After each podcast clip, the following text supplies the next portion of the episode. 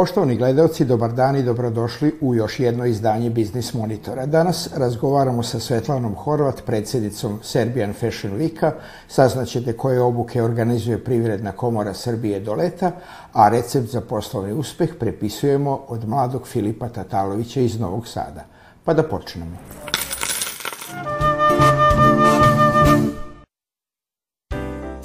Prosečna bruto zarada obračunata za mart 2023. iznosila je 117.669 dinara, dok je zarada bez poreza i doprinosa iznosila 85.485 dinara, objavio je Republički zavod za statistiku. Bruto i neto zarade u periodu januar-mart 2023. godine u odnosu na isti period prošle godine nominalno su veće za 15,5%, a realno manje za 0,4%. U poređenju sa istim mesecom prethodne godine, prosečne bruto i neto zarade za mart 2023. godine nominalno su veće za 14,5%, a realno manje za 1,5%. Medijalna neto zarada za mart 2023. godine iznosila je 64.363 dinara, što znači da je 50% zaposlenih ostvarilo zaradu manju od navedenog iznosa. Pregovori o povećanju minimalne cene rada zapali su u Ćorsokak jer su predstavnici vlasti u radnoj grupi hteli da razgovaraju o povišici 2024. a sindikati o drugoj polovini 2023. godine, rekao je predstavnik Saveza samostalnih sindikata Srbije Zoran Marković. Po odluci Socijalno-ekonomskog saveta trebalo je da se pregovori vode o povećanju minimalne cene rada koja bi važila od 1. jula ove godine, a oni su hteli da razgovaramo o povećanju za 2024 2024. godinu, rekao je Marković. Dodao je da je argument predstavnika Ministarstva financija da bi, ako bi se povećao minimalac za ovu godinu, porastao broj nezaposlenih. Mi smatramo da ima razloga za povećanje cene rada za ovu godinu jer je hrana poskupila 27%, a značajno i energenti, rekao je Marković. Minimalac bi prema predlogu oba reprezentativna sindikata trebalo da se izjednači sa cenom minimalne potrošačke korpe koja iznosi 50.299 dinara.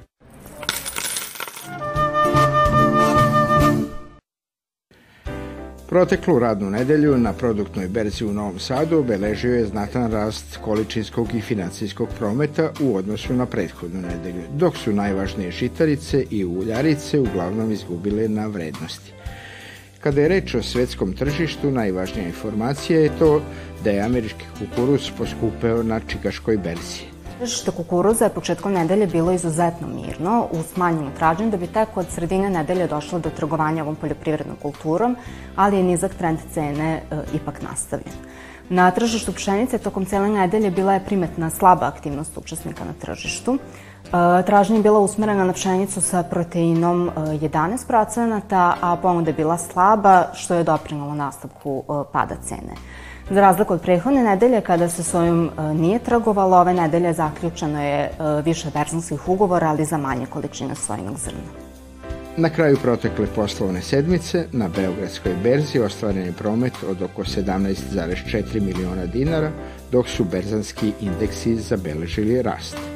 Kraj protekle berzanske nedelje u svetu, američka laka i severnomorska nafta dočekale su sa rastom vrednosti u odnosu na sedmicu pre. Od svih najznačajnijih plemenitih i baznih metala kojima se trgovalo u svetu samo je aluminijum kraj protekle radne sedmice dočekao sa rastom vrednosti.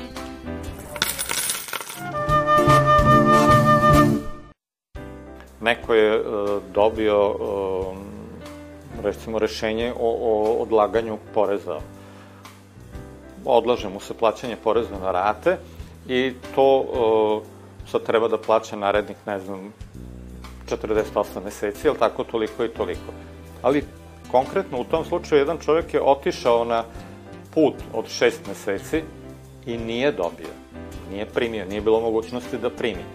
A naravno, e, pošto je to sve vezano za rokovima, on je propustio taj rok da e, krene sa tim plaćanjem jer nije znao, nije imao predstave o tome, nije primio lično i e, izgubio je to pravo praktično ovaj, da plaća na rate svoje, svoje dugovanje i vodio je spor sve do sada, gde je sad stigla odluka e, presuda Upravnog suda da Poreska uprava nije u pravu i da mora da se drži toga, ako piše lično dostavljanje, da to lično dostavljanje mora da bude uručeno na način kako je to zakon u ovo vreme propisivao. Gospodin Horvat, dobar dan i po prvi put dobrodošli u emisiju Business Monitor. Dobrodošli evo kod nas u, u našu firmu i bolje vas našle i jako mi je drago da evo konačno realizujemo i ovaj intervju. Taman kad smo pomislili da je završetkom pandemije koronavirusa uh, došao i kraj velikim izazovima, sustigla nas je nova kriza i donela sasvim nove poslovne probleme. Koliko je ta ekonomska kriza uticala i još zapravo uvek utiče na modnu i odevnu industriju u Srbiji? Da, zaista ceo svet osjeća duboko ovu ekonomsku krizu, svi sektori industrije, pa tako i, i modna. Modna industrija je inače nisko akumulativna industrija i ona je uvek negde imala i, i niže plate i veće probleme u poslovanju, ali zaista ova ekonomska kriza se duboko osjeća kroz modnu industriju. E, teže je doći do novih kupaca, poskupili su i sirovine, poskupilo je i gorivo, tako da je problem i transporta. Dakle, zaista se nalazi u jako teškoj situaciji e, tekstilna e, i uopšte modna kož, kožarska industrija. Sigurno da je potrebna pomoć i sigurno da je potrebno da se i država nekim strateškim merama uključi u podršku tekstilne industrije. Od koga očekujete, ali i od koga dobijate pomoć da privaziđete poslovne probleme i u kojim segmentima poslovanja je ta pomoć zapravo i najpotrebnija? Pa u svakom slučaju, evo je da kažemo prvo manifestaciji. Srbija Fashion Week eh, sada priprema svoje 22. izdanje. Uh, ono što je vrlo značajno za manifestaciju, to je da je od samog početka imala podršku grada Novog Sada i zahvaljujući toj podršci je izrasla u, petu najveću manifestaciju ovog tipa u Evropi. Dakle, i dan danas ta podrška je tu i apsolutno bez nje bi bilo nemoguće tako veliki festival organizovati. Naravno, festival vraća to gradu kroz dolazak velikog broja turista, kao i ostale velike manifestacije ovog grada. Kada govorimo o tekstilnoj industriji, ono što bih pohvalila ovog puta je pokrenjski sekretarijat za privredu i turizam, koji su pre nekih šest godina, ako se dobro sećam, um, uveli programe subvencija za proizvođače iz oblasti tekstilne industrije um, po nekoliko javnih poziva, koji i dan danas postoje. Dakle, to su javni pozivi za obnavljanje i kupovinu novih, novih mašina, alata i opreme i za, za, reprome, za kupovinu repromaterijala. Dakle, to je vrlo značajno. Uh, tako nešto uh, Um, ne imam saznanja da postoji na republičkom nivou uh, i dakle neophodno je upravo zbog ovakve pomoći i ovakvog profilisanja te pomoći od strane pokrajinske vlade, mogu reći da se na teritoriji AP Vojvodine uh, lepo, lepo razvija i mnogo lakše razvija upravo, upravo ta srednja, neka mala i srednja preduzeća za oblasti tekstilne industrije. Šta je Nacionalna komora za modu Srbije i kako ona pomaže branši? E, dakle, Nacionalna komora za modu Srbije je udruženje građana koje je formirano 2012. godine e, sa ciljem da postane član Evropskog saveta za modu e, iz Brisela. To je urađeno tada, formirana je po pravilima Evropskog modnog saveta i od tog momenta, od tog novembra 2012. predstavlja pred licem evropske javnosti, pred licem ljudi iz sveta mode u Evropi Srbiju. Dakle, mi smo predstavnici Srbije i 19. zemlja članica smo, sada ima 34 zemlje članice. To je jedan networking fantastičan, mi svi međusobno sarađujemo i negde putem Nacionalne komore za modu Srbije, upravo drugi, druge modne organizacije Evrope um, saznaju o modi i o trenutnim dešavanjima u, u Srbiji. U Srbiji se mnogo priča o dualnom obrazovanju, ali ako ćemo na kraju školovanja dobiti samo one mlade ljude koji će da šiju preslake za sedišta automobila, onda nismo uradili ništa. Kako stojimo sa onima koji će u budućnosti jednog dana možda nešto i da dizajniraju? Pa tako je, tekstilna industrija svakako zahteva kvalifikovanu radnu snagu. Dakle, bez šivenja nema ni tekstilne industrije, ali ne možemo ići stalno u bazu se vraćati. Dakle, bez dobrog dizajna nema ni dobre prodaje, e, nema ni dobrog plasmana na tržištu. Da, apsolutno je potrebno um, Ja, ono što bih ja apelovala negde, evo i kroz, kroz ovu emisiju, je da se ponovo razmisli o, o nastanku visoke škole za modelarstvo. Dakle, to je ono što je negde najpotrebnije, uopšte kada govorimo o tekstilnoj industriji, što je najplaćeniji posao inače u svakoj zemlji koja se ozbiljno bavi tekstilnom industrijom. Što se tiče dizajnera, nažalost imamo samo jednu državnu akademiju uh, u Beogradu i imamo uh, tri privatne, do pre deseta godina je postojalo nekih, ja mislim, sedam privatnih akademija. Novom Sadu svakako treba, i to je nešto za čega, za čega se ja borim već godinama, treba jedna ozbiljna akademija, čak sam i neke pregovore obavila i u Francuskoj ambasadi i sa uh, menadžmentom Esmod akademije o, iz, iz Pariza. Bez dobrog dizajna um, mi prodajemo sirovinu. Dakle, u ovom slučaju ja sirovinom smatram lovom posao. Dakle, prodajemo pukošivenje. Uh, dakle, kada se proizvod dobro izdizajnira, kada se dobro upakuje, onda, onda je on kompletan proizvod koji treba da se pojavi na svetskom tržištu i da ostvari zaista neke dobre ekonomske benefite. Srbija Fashion Week je e, najveći modni događaj u jugoistočnoj Evropi, jedan od najvećih na starom kontinentu. Međutim, uproko svemu tome, da li on došao do onog nivoa koji ste vi sebi zacrtali kada ste ga pokretali? Pa cilj koji je zacrtan To je bio neki, ajde, kratkoročan petogodišnji cilj kada je nastao Srbija Fashion Week, a to je da postanemo najrespektabilniji Fashion Week uh, jugoistočne Evrope. To je, za, to je urađeno u prve tri godine. Posle pete godine mi smo postali, zvanično po statistikama iz Pariza, peti najveći u Evropi i najveći u istočnoj, znači ne u jugoistočnoj, nego u istočnoj Evropi.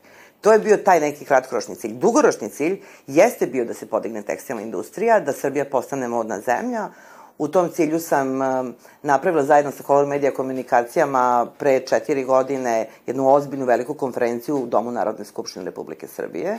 Kako se država brendira modom, dakle benefiti uh, kroz modu mogu biti u, neko, u nekoliko smerova, kao kanal komunikacije, kao privlačenje stranih investicija, kao razvoj same tekstilne industrije unutar Srbije i razvoj našeg dizajna uopšte imidža zemlje tako da, to jeste negde dugoročan cilj, da se sve uveže i sve je to povezano. To je sistem spojenih sudova. Dakle, kada a, izbrendirate svoju zemlju kao modnu destinaciju, kada a, pomognete strukturalnim a, zakonima unutar zemlje da se podigne ta modna industrija, dakle, upravo kroz subvencije i, i, i neke povoljne kredite, pa podignete svoju modnu industriju na taj nivo da ona može da isporuči dovoljnu količinu proizvoda koje traže velika tržišta, pa do samog plasmana koji negde Srbija Fashion Week je lepo, lepo izgradio te, te odnose u svetu da možemo da otvaramo tržišta, onda možemo da govorimo o tome da sam ja zadovoljna i da je taj cilj postignut. Mnogo vam hvala što ste izvojili vreme za Business Monitor. Moje zadovoljstvo je bilo.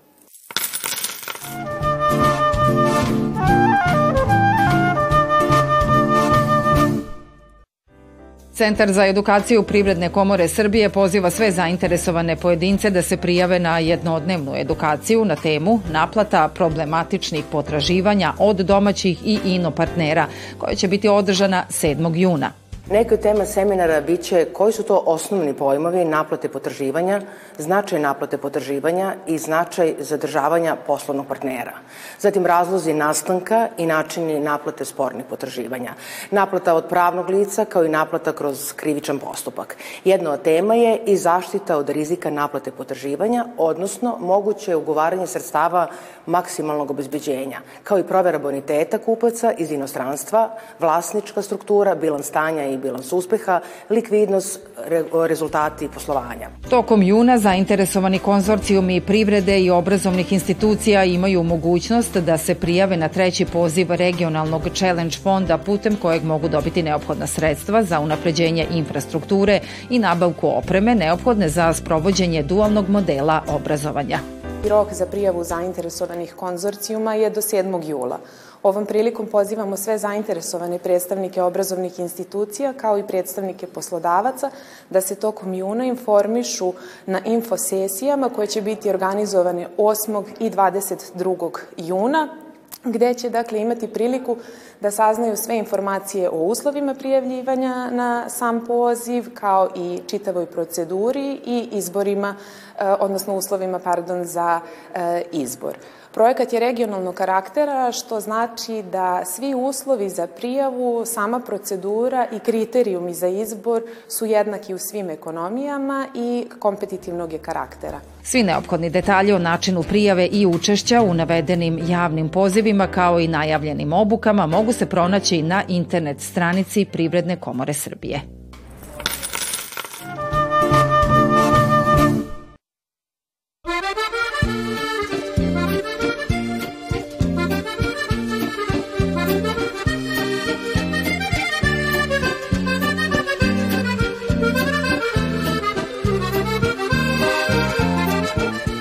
Porodici Filipa Tatalovića svi su preduzetnici i svi se bave ugostiteljstvom, a njegova radionica za pohovanje rezultat je višegodišnjeg razmišljanja i eksperimentisanja na temu kako biti sasvim drugačiji u brzoj hrani u Novom Sadu.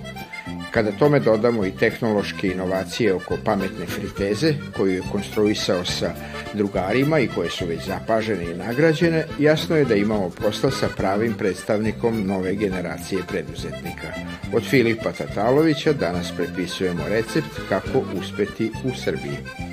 Fry Factory je radnja koja je usko orijentisana na hranu koja se sprema samo u fritezi, samo pohovanu hranu.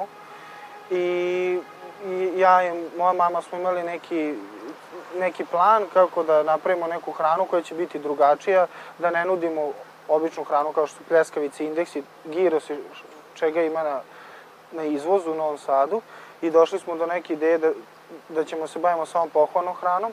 I onda smo malo duži vremenski period uh, hteli da odvojili da napravimo neki naš lični proizvod i to su neke naše pohovane pite. Trenutno imamo sedam vrsta pohovanih pita, četiri slane i tri slatke. Imamo još dosta vrsta koje su u pripremi, ali trenutno nemamo mogućnost i kapacitet da ih ubacujemo još. Pa imamo neke nedeljne specijale nekad, pa bude neki ukus koji je, koji, koji proizvodimo samo od ponedeljka do nedelje. Trenutno su naši kupci uglavnom mlađa populacija, ali to ja mislim da iz razloga što se mi e, baziramo na reklamiranje putem interneta i mislim da smo njima dostupniji i da generalno lakše pristupamo mlađima i mislim da, nji, da njima naša hrana mnogo više odgovara mlađi, deca i negde ljudi do 30-35 godina. Sve ovo naravno nije od juče, ali nije ni baš odavno. Kada i kako je uopšte sve počelo i kako se to stiže od same ideje pa do ovakve firme na dobrom glasu. Moja majka i ja, ta firma i dalje postoji, e, zove se Šerpice 021 i to je firma koja je specializowana da pravi hranu samo za programerske firme. I gledanjem, kako zove, ili testiranjem e, i izvlačenjem nekih podataka shvatili smo da kad god na meniju ima neka pohovana hrana, ona prevladava taj dan. I sa, tako smo došli na ideju, u redu, ljudi to vole, ajde da i napravimo mesto gde mogu samo te stvari da jedu, gde mogu da dođu i da kupe samo pohovanu hranu. Generalno, ta, to, je neka, to, je nek, to su neki sami početci ideje pre, pre, pre samih pita i pre bilo čega, ali tako je nešto, tako je započela tema. Ajde da pravimo neku urbanu, brzu hranu, a da opet bude sve ono onako kako smo mi zamislili u onim okvirima. Tako da u principu i vremenom je to, to se razvijalo neke dve do tri godine. Da. Imali smo jako puno problema oko pronalaska lokala iz razloga što radimo pohovanu hranu i e, ta hrana se oseti. Samim tim smo tražili lokal koji nije, kako se zove, u zgradi, nego je ovo skup samo lokala i iznad lokala ne, nema zgrade, tako da nikom ne možemo da smetamo i sama potraga za lokalom je jako dugo trajala. Kakav to čovek, gledajući iz vašeg iskustva, treba da bude pravi preduzetnik? Neko kaže mora da ima ideju, neko kaže mora da bude vredan, marljiv, neko kaže treba da bude hrabar. Ima li tu i sreće? Kako je bilo u vašem slučaju? Generalno, e, ja mislim da samo hrabrost i upornost najviše. Mislim upornost mnogo više nego hrabrost. Moje neko mišljenje. Kaže, svakako da tu utiče puno ideja kao u samom početku ili kreativnost ili nešto, ali, ali upornost definitivno. Da, mislim da, da bez toga ni jedan posao ne bi uspeo.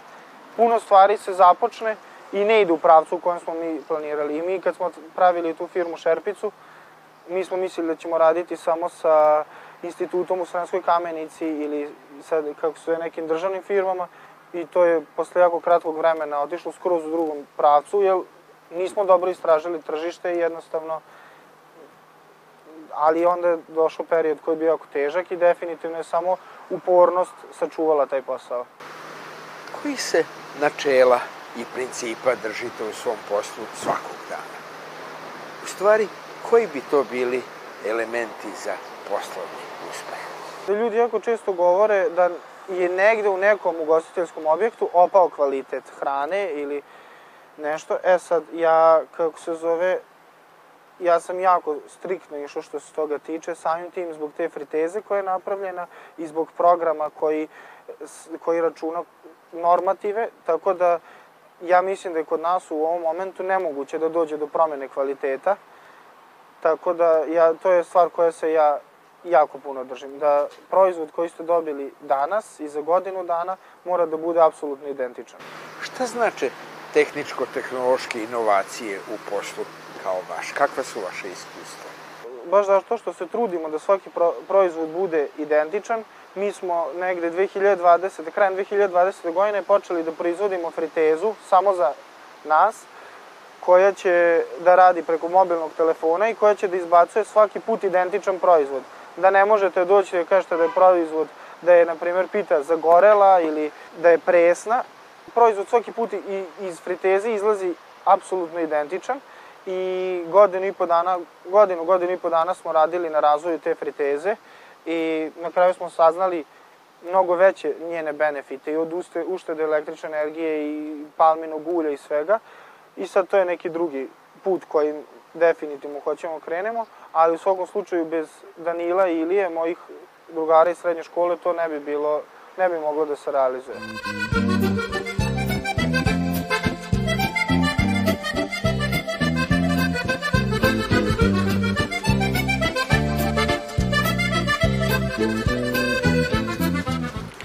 Šta ko iz vaše porodice radi u ovom zajedničkom ili svako svom biznisu? E, da li ste svi u ugostiteljstvu na neki način? Mi smo svi u ugostiteljstvu.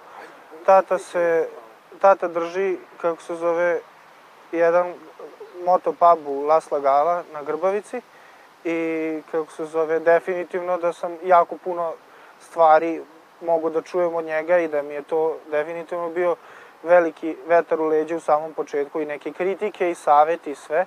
Sad trenutno je sestra kod njega, njih dvoje rade zajedno. Mama je sada u Šerpici, tako da u principu to je to. Ali se stalno međusobno pomažemo. Kako je uopšte biti preduzetnik u Srbiji danas? Šta vam je u tome lepo? Što ste sam svoj gazda, a što vam najviše smeta? A najviše mi smeta to što, kako se zove, nemam nikakvo radno vreme. Stalno nešto može da iskrsne i da me poremeti, jako se teško organizujem, jako teško organizujem neko svoje lično slobodno vreme. Za godinu dana nisam nigde nešto preterano putovo, a volim. Tako da u svakom slučaju to su neke teške stvari ali dobra stvar u tome je što se nadam da će uskoro da pruži neku veliku sigurnost finansijsku, da kad se stvari još malo poslaže, da ću i što se slobodnog vremena tiče biti slobodniji, tako da ima to sve svoje benefite i mislim da će biti dobro. Trebalo bi, ali treba još da se trudimo i još par godina i onda će sve da sedne na svoje. I na kraju Biznis Monitora mi uvek pitamo šta je za vas poslovni uspeh, a šta lična sreća? Pa, poslovni uspeh je za mene kada uspemo da realizujemo našu ideju koju smo zamislili i da od nje budemo finansijski stabilni, ali ja mislim da trenutno još nisam došao do svega toga što sam zacrtao, ali mislim da sam na dobrom putu, da treba još dosta da se radi, ali u svakom slučaju mislim, mislim da ću uspeti. Treba puno truda i rada, ali mislim da idem u dobrom smeru. To